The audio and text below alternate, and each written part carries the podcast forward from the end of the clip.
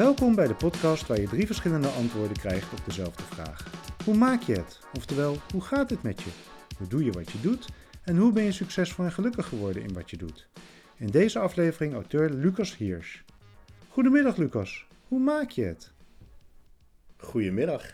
Ehm, hoe maak je het?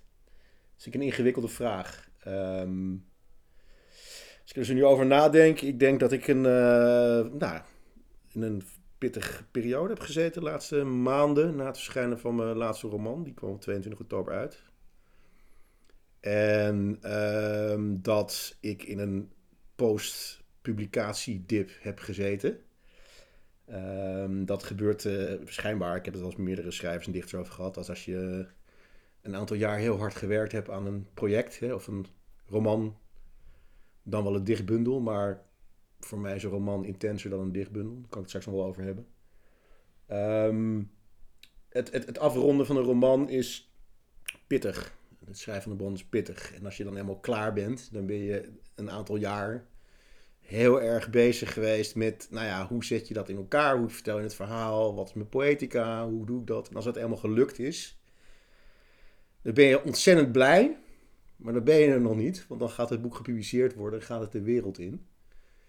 En dan wordt het enthousiasme van dat je iets heel moois geproduceerd hebt, waar je toch wel nou, verwachtingen van, van hebt of over hebt. Dat is logisch, want je hebt iets moois gemaakt. Dan gaat het de wereld in en dan is het volledig uit je handen. En dan is het maar gewoon afwachten of het gelezen wordt en wat men ervan vindt. En of het enigszins uh, overeenkomt, hè, de reacties met de verwachtingen die je hebt. Uh, daar heeft iedereen last van volgens mij. Um, en voor mij gold denk ik een beetje dat het onderwerp, uh, de roman Shotgun Wedding, gaat over de moord op mijn beste, of in ieder geval de dood op mijn beste, van mijn beste vriend Dirk Wiers, een advocaat die uh, in 2019 is doodgeschoten.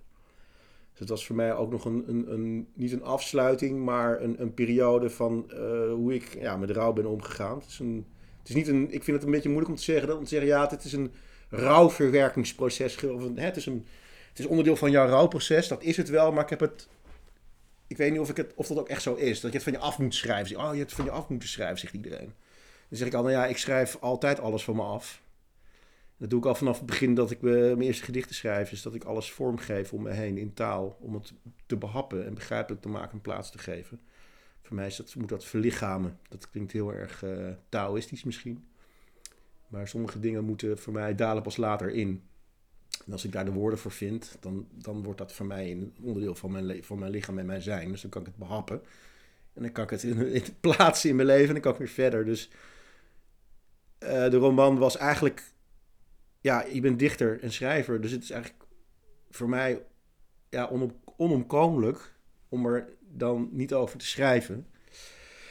Nou ja, dat bij elkaar is, uh, is vorig jaar oktober verschenen. En, en vooraf was er nou ja, veel aandacht voor in de pers. En uh, mensen wilden het renseren. En, dus dat, dat ging enorm goed van start.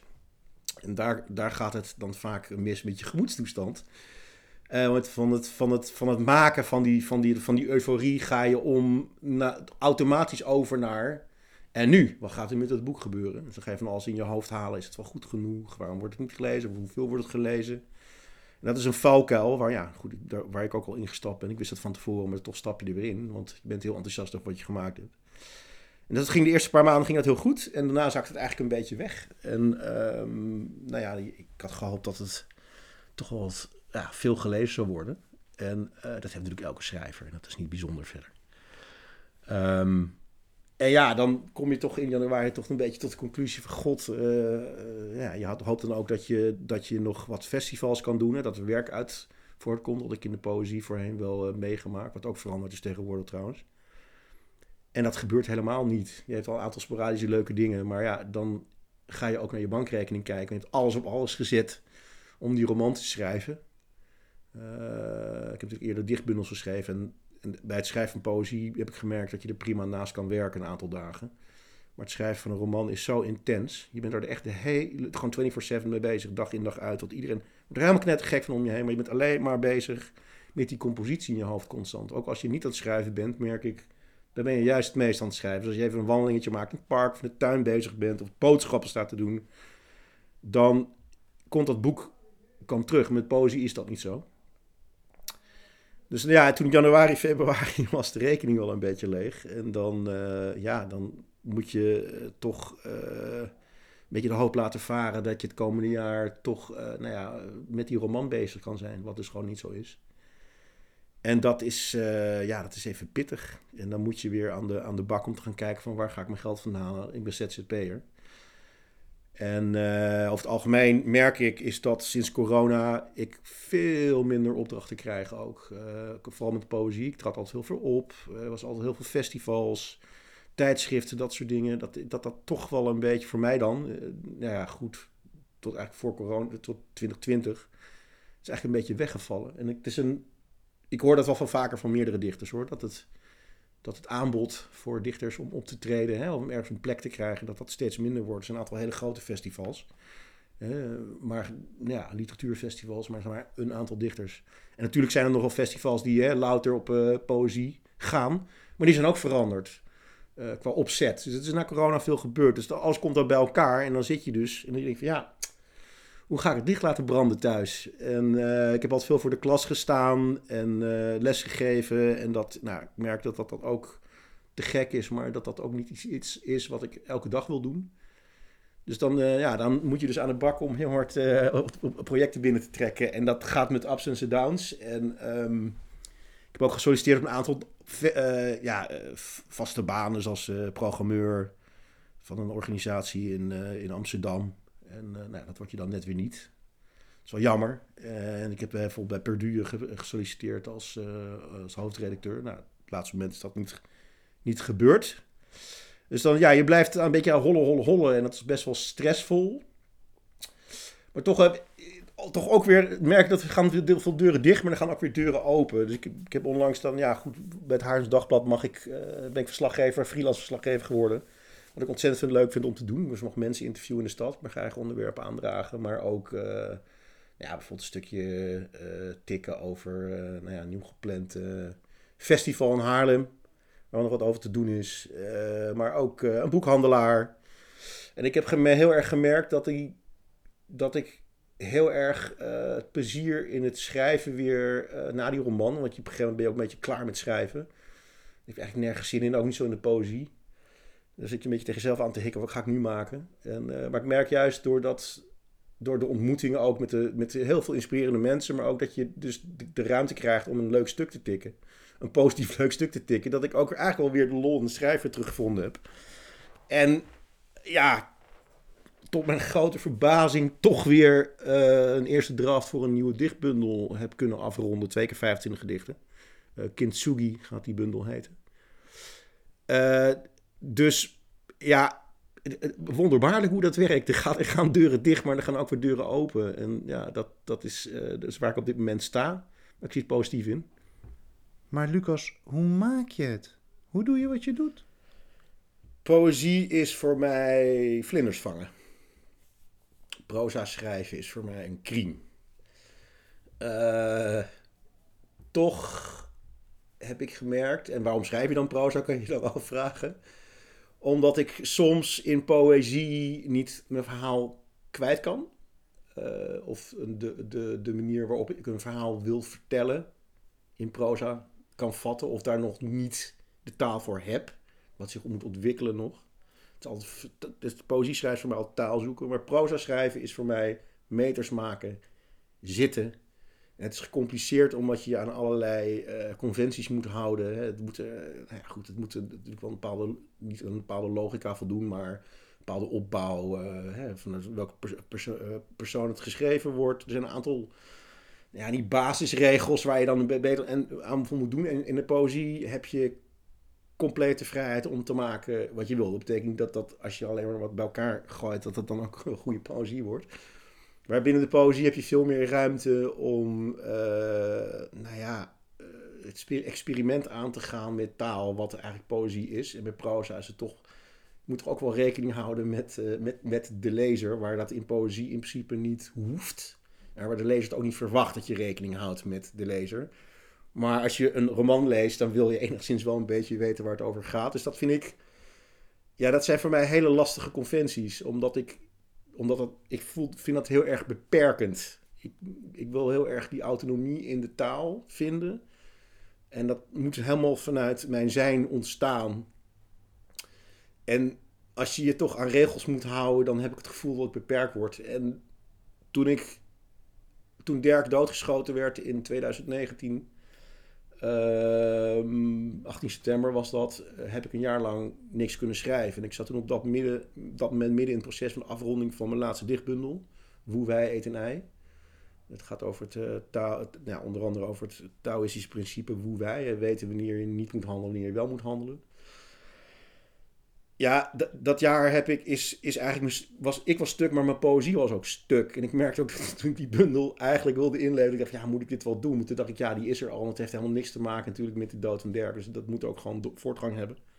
Maar ik heb een jaar niks kunnen schrijven, geen poëzie, niks. En het gekke is dat ik wel altijd een idee had van, nou, ik wil nog een, een, een afrondende bundel maken uh, over een thema wat ik al in al mijn dichtbundels heb verstopt of meegenomen, is dat, dat, uh, dat er toch gewoon een, een soort. Nou ja, het is een holocaust verleden in mijn familie.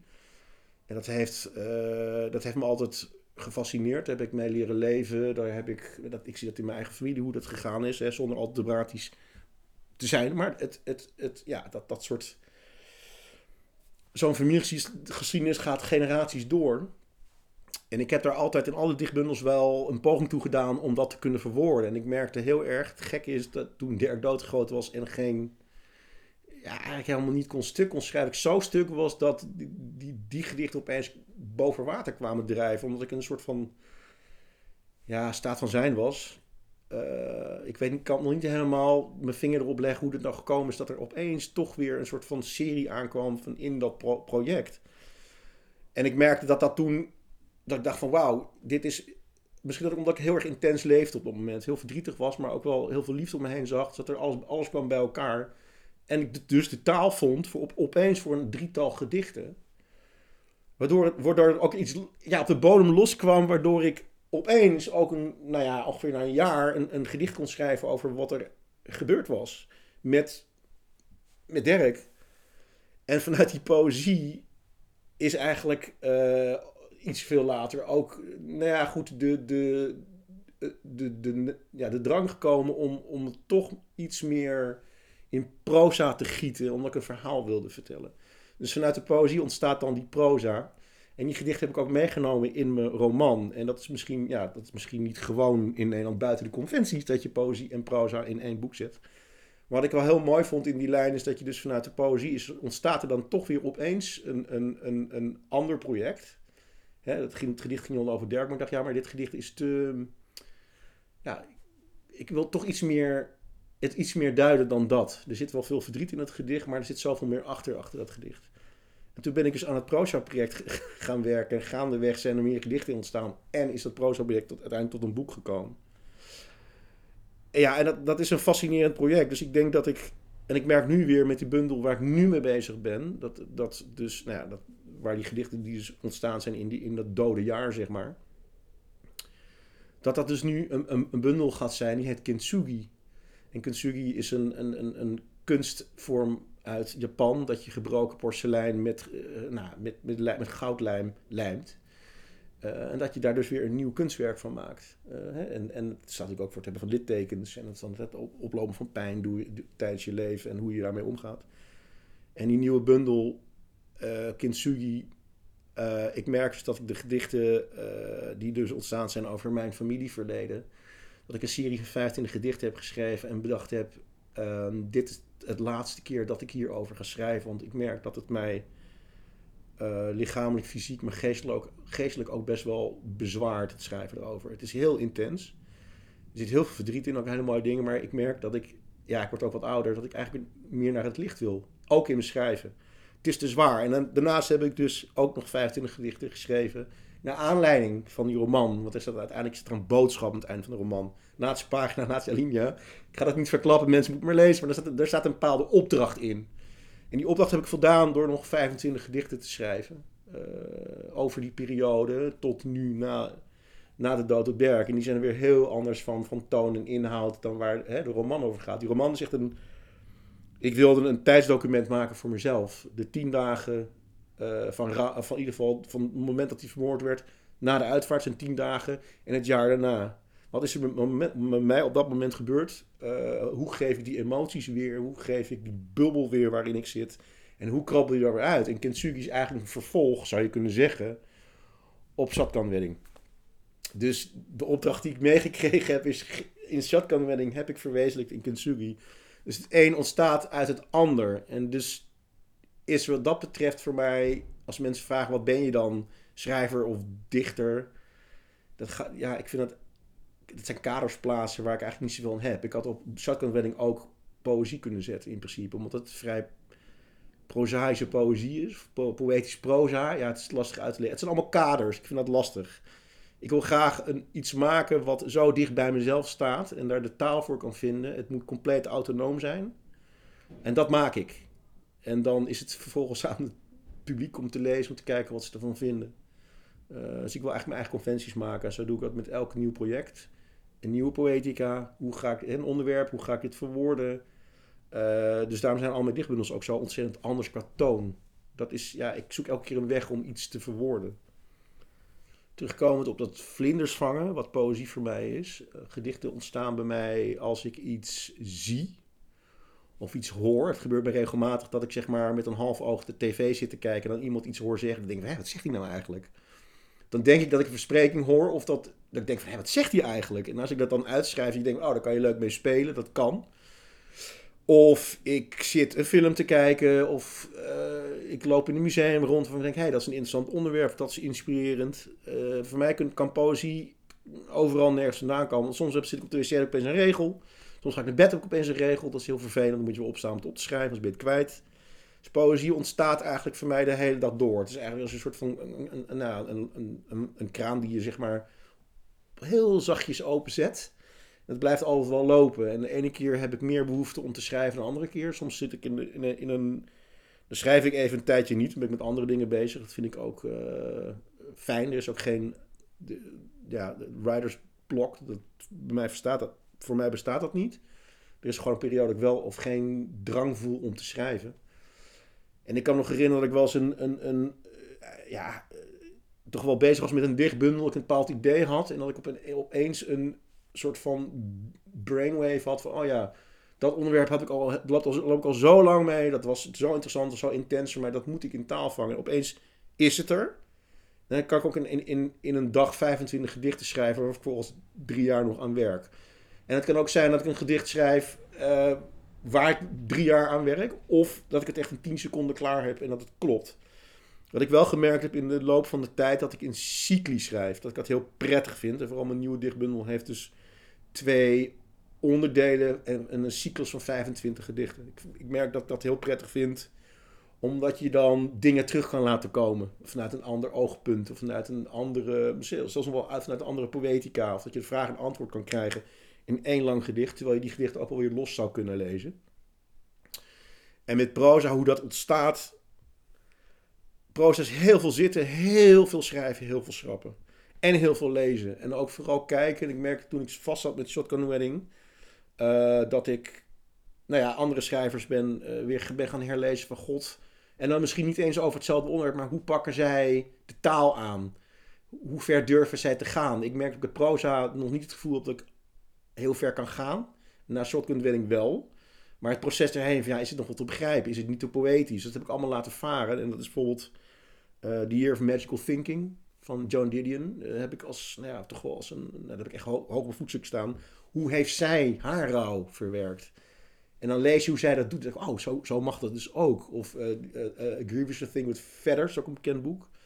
Dat is ook weer een heel, nou, toch best wel experimentele aanpak van hoe, hoe proza ook bedreven kan worden. Dus dat geeft mij dan kracht om dan te denken, nou, dat mag ik dus ook. En ik geef, gun ik mezelf dus veel meer poëtische ruimte in mijn proza. Zonder dat ik, nou ja, goed, zeg maar, uh, concessies doe aan mezelf. En het kan, ja, ik ben nu ook wel weer met een project na Kintsugi bezig, maar hoe dat zich vorm gaat geven, geen idee. Het kan best zijn op een gegeven moment dat er weer een onderwerp op mijn pad komt en denk oh, dat wil ik verder uitdiepen. Ik weet wel dat ik niet terug moet gaan naar uh, de trucjes die ik uitgehaald heb in de eerste vijf bundels. Ik wil elke, nieuw, elke bundel heeft voor mij een nieuwe poëtica. En dat wisselt. En dat is voor heel veel mensen vinden dat vervelend. Die lezen liever een dichter die uh, 15 keer dezelfde dichtbundel maakt. Dat is veilig. Maar ik wil Niet dat mensen zich niet veilig, moeten zich niet veilig voelen in mijn poëzie. Verre van. Ik schrijf poëzie die rauw gezien wordt. En uh, heel erg oprecht en ook soms pijnlijk. Uh, en daarvoor vind ik ook de, de, de manier hoe ik taal gebruik, is voor mij ook heel erg belangrijk. Omdat klank is voor mij belangrijk. Klank heeft een, echt een, plaatje in mijn hoofd. En sommige woorden zijn voor mij zwaarder en lichter. Zo voelt dat ook echt. En ik probeer altijd wel, wat heel belangrijk is, zowel in mijn poëzie en in mijn proza, dat er flow in zit. Dat is het allerbelangrijkste. Het maakt mij in principe niet zo heel uit wat je vertelt, maar hoe je het vertelt. Iets wat in de Nederlandse literatuur vaak omgekeerd is. Je ziet het veel in proza dat wat verteld wordt belangrijk is dan hoe het verteld wordt. Voor mij is het zo'n, het is een vorm van expressie. Dus de, de stijl, flow, ritme is ontzettend belangrijk. Hoe je je zinnen opbouwt. En als je dat in de smiezen hebt, wat ik nog lang niet heb, want ook het dichtbundel is en elk boek is weer een ja, stap in het diepe of sprong in het diepe. Maar gaandeweg merk ik wel dat ik daar grip op krijg en dat ik, ja, dat ik daar vorm aan kan geven. Dus ik heb geen idee. Ik heb wel plan om zeg maar na Kintsugi, ik weet niet wanneer Kintsugi uitkomt. Uh, ik heb te horen gekregen van de uitgeverij, de arbeiderspers waar ik al heel lang zit. Uh, dat ze minder poëzie uit gaan geven. En dus dat, ja, dat je langer moet wachten op publicatie. Dus ik durf geen uitspraak te doen over wanneer het uit gaat komen. Ik hoop volgend jaar. Uh, maar het kan ook uh, 2025 zijn. En wat ik daarna ga maken, heb ik al zei, ik heb wel een plan voor een nieuwe dichtbundel. Wat weer compleet iets anders gaat worden. En maar wel iets meer van lichtere toon. Dus geen dode vrienden meer. En geen dode familieleden meer. Want ik merk, wat zoals ik zei, het, is, het, uh, het, het, het tol. En ik merk dat ik uh, niet meer in het zo dusdanig het verleden wil blijven hangen. En dat het me ook tegenhoudt. Dus een werktitel voor de bundel die daar weer naar gaat komen is Ankers Hemelwaarts. En als laatste, hoe maak je het? Hoe ben je succesvol en gelukkig geworden in wat je doet? Waar mijn geluk vandaan komt of mijn succes in wat ik doe, ik vind het een hele ingewikkelde vraag. Omdat je denk, denk eerst moet afvragen wat dan geluk is en succes. En in de gewone wereld, zeg maar niet in de literaire wereld, ja misschien ook wel, maar in de gewone wereld zijn geluk en succes, denk ik, toch vaak ook wel verbonden met uh, de wereld van het hebben. Dus hoeveel geld je verdient, of hoeveel boeken je verkoopt. Uh, nou, noem maar op, hè, wat voor werk je doet. En ik bevind mij met het schrijven in de wereld van het zijn. En Herman de Koning heeft daar een keer iets heel moois over gezegd van de poëzie is, het heeft geen nut. En de poëzie is de wereld van het zijn en niet van het hebben. Ik denk dat ik daar, ondanks het feit dat het ontzettend moeilijk, dan wel onmogelijk is om rond te komen van, uh, van je schrijven in Nederland. Er zijn maar een aantal dichters die dat kunnen. Een heel klein handjevol schrijvers die dat echt succesvol kunnen. Uh, ik denk dat ik mijn geluk eruit haal dat ik en dat vertel ik ook vaak als ik voor de klas sta of met mensen praat over hè, die dingen maken het feit dat ik in staat ben of geboren ben of gezegend ben met het feit dat ik iets met dat ik goed met taal ben, of althans, dat vind ik dan zelf. En mijn uitgever, uitgever vindt dat gelukkig ook, want die geeft dat uit. Dus laat het zeggen, ik ben handig of goed met taal, dat, ik, dat je dus van niets iets kan creëren. Uit het niets. Je maakt, en dat heeft natuurlijk alle kunstenaars hebben dat. Hè, die kunnen goed kunnen tekenen of schrijven, maar je, kan vanuit het niets kan je iets maken. En dat, ja, dat is fantastisch. Dat is, dat, dat is voor mij. Eh, dat is puur geluk. Het zou ook fijn zijn als, als, ik er dan nog enigszins een beetje van rond zou komen. Rijk zou, hoef ik helemaal niet te worden. Ik ben rijk zat. Uh, lieve familie, vrienden. Dat is geluk ook. En succesvol voor mezelf. Ik ben voor mezelf succesvol als ik, uh, denk ik, um, weer elke keer toch achter mijn laptop schrijf, ga zitten en iets schrijf of iets maak. Of misschien zelfs ook wel bedenk, want ik heb in het verleden veel literaire festivals gemaakt. Het leuk om, om, om programma's te maken, ook om andere dichters en schrijvers, maar ook muzikanten en kunstenaars elkaar te koppelen en die dan een podium te bieden. Ik hoef niet. Is, ik vind het heel leuk om op te treden en hè, eh, te praten over mijn boeken, want dat doe ik graag op scholen, ook veel met leerlingen. Maar ik haal mijn geluk ook uit uh, nou ja, mensen een podium bieden of hè, een, mooi programma te bedenken waar mensen op afkomen die dan denken, hé, hey, dat is te gek, die poëzie. Uh, dus wanneer ben je succesvol? Ik weet het niet. Ik denk dat voor mij wat op dit moment heel belangrijk is, en dat is misschien ook wel vanwege leeftijd, en misschien wel mijn interesse ook voor de taal, ehm, dat ik helder van geest mag blijven. Dat is succesvol of uh, geluk. Helder van geest zijn, gezond van lichaam, wat dat, wat dat ook mag zijn, dat heel erg met elkaar verband houdt. En dat ik ondanks alle littekens die je oploopt, uh, iedereen loopt littekens op, dat ik toch uh, recht kan blijven lopen en met een open, vooral met een open hart de wereld tegemoet kan blijven treden. En dat, is, dat vind ik al ingewikkeld zat. Maar dat is wel echt iets wat ik betracht. Dus daar haal ik ook heel veel geluk uit. En dat is, ja, dat is inderdaad allemaal het van het zijn. En niet het hebben. Het, het, het, hebben heb ik gemerkt nu ik ook ouder word. En nadat ik, nou ja, goed, naarmate ik ook anders weer gaan werken. Want voorheen heb ik voor een bank gewerkt, wat wel goed salaris verdient. Dat zegt ook helemaal niks. Daar werd ik heel ongelukkig van.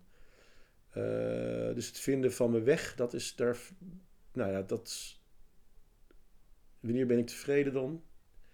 Wanneer ik tevreden ben. Ik ben al eigenlijk een heel gelukkig en tevreden mens. En uh, ondanks alles wat ik heb meegemaakt de laatste jaren.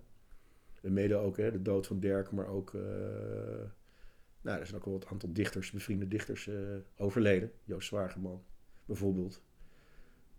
ondanks een hele hoop dood, heb ik ook heel veel liefde gezien. En ik heb daar enorm veel ja, de kracht uitgehaald en ook gezien hoe ontzettend belangrijk het is. Dus mijn perspectief op het leven is enorm aan het schuiven en wel de goede kant op, denk ik. En ik denk dat ik steeds meer rust, geestelijke rust maar ook heel veel rust in mijn donder krijg. Uh, wat uiteindelijk weer gaat resulteren in een dichtbundel die in die stijl geschreven gaat worden. Dus wat dat betreft is ja, het is een.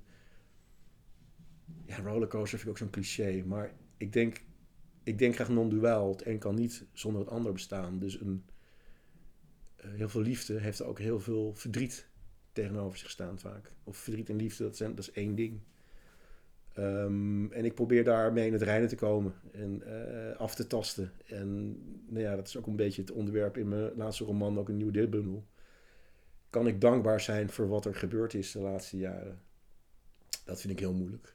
Uh, maar ik weet dat die dankbaarheid er wel is. Omdat, ondanks wat er ook gebeurt, er altijd wel dat je iets meekrijgt en dat je vormt. En uh, ik denk dat je dat inzicht moet zien of ontdekken. Je moet zeg maar ontdekken wat dat dan is. Wat, dan, wat dat dan, het leven, wat, dan, wat er gebeurd is, wat dat, hoe dat bijdraagt aan, aan, ja, aan je zijn en uh, aan je gedachtegoed. En dat is een, uh, ja, dat is misschien wel een filosofische kwestie. Ik weet het niet. Maar dat maakt voor mij het leven ook wel weer, naast dat het inderdaad soms echt een struggeling is, ook echt uh, geweldig is. En dat is iets, ja, als je mij, als je mij twintig jaar geleden had gevraagd waar ik over twintig jaar zou zijn, dan had ik niet verwacht dat ik uh, uh, nou, hier zou zijn, zeg maar, op dit pad. en of dat dan succes is geweest de laatste jaar, ik weet het niet. Ik heb hele mooie dingen meegemaakt ook. veel gereisd exposure, dat is voor mij ook echt een, een daar haal ik mijn geluk ook uit. Dat ik in India geweest ben, veel New York, volgend jaar weer naar New York om les te geven. Ja, dat is te gek. Dat zijn dingen. En dat, nogmaals, dan kom je weer terug bij waar we het over hebben. Waar haal je geluk uit? Dat je vanuit serieus niets iets kan maken. En dat je vervolgens op het vliegtuig zit, bijvoorbeeld naar India voor een aantal maanden, omdat je vanuit dat niets iets gemaakt hebt. Dat is echt te gek. En het is niet zo dat ik die poëzie gemaakt heb, maar die poëzie, die taal, die is al overal. Ik tune alleen in op bepaalde momenten. Dus, dus het wordt me gegeven, heb ik het idee. Ik zet me, stel me daarvoor open. Ja, nogmaals, het is te gek als je van het niets iets kan maken en dat je dan opeens in India zit drie maanden of dat je weer uitgenodigd wordt om in New York uh, les, te, les te komen geven over, over schrijven en over poëzie. Ja, dat zijn. Uh, dat, is, dat is fantastisch, maar datzelfde geldt ook voor als ik op middelbare school een hele mooie vraag krijg van, van een leerling over mijn boek. Een oprechte vraag waar ik even verslag van raak. Dat zijn hele mooie momenten. En daar, daar, leer, daar, daar groei je als mens. Ja, vreselijk, vreselijke term, groeien. Maar dat... Ja, dan loop je naar huis. Of dan kom je terug van zo'n trip. Of dan ben je op die trip. Of dan kom je terug van zo'n les. En dan denk je, wauw, weet je wel. De kids are alright, sowieso. Want ze lezen boeken. Maar dat is te gek dat iemand dat, die, zijn hart openstelt. En nogmaals, dat, had ik het net ook over. Denk met een open hart de wereld tegemoet treden. Het, is, het klinkt enorm cliché. Maar hoe, hoe, meer je je openstelt, hoe harder de klappen zijn vaak. Maar ik heb gemerkt dat ik, dat, dat ik zo wil leven en ook zo naar mijn poëzie dus kijk. Eh, dat is geluk voor mij. En dit was het alweer voor deze aflevering van Hoe Maak je het? Volg Hoe Maak je het op je favoriete podcastplatform en social media en blijf op de hoogte.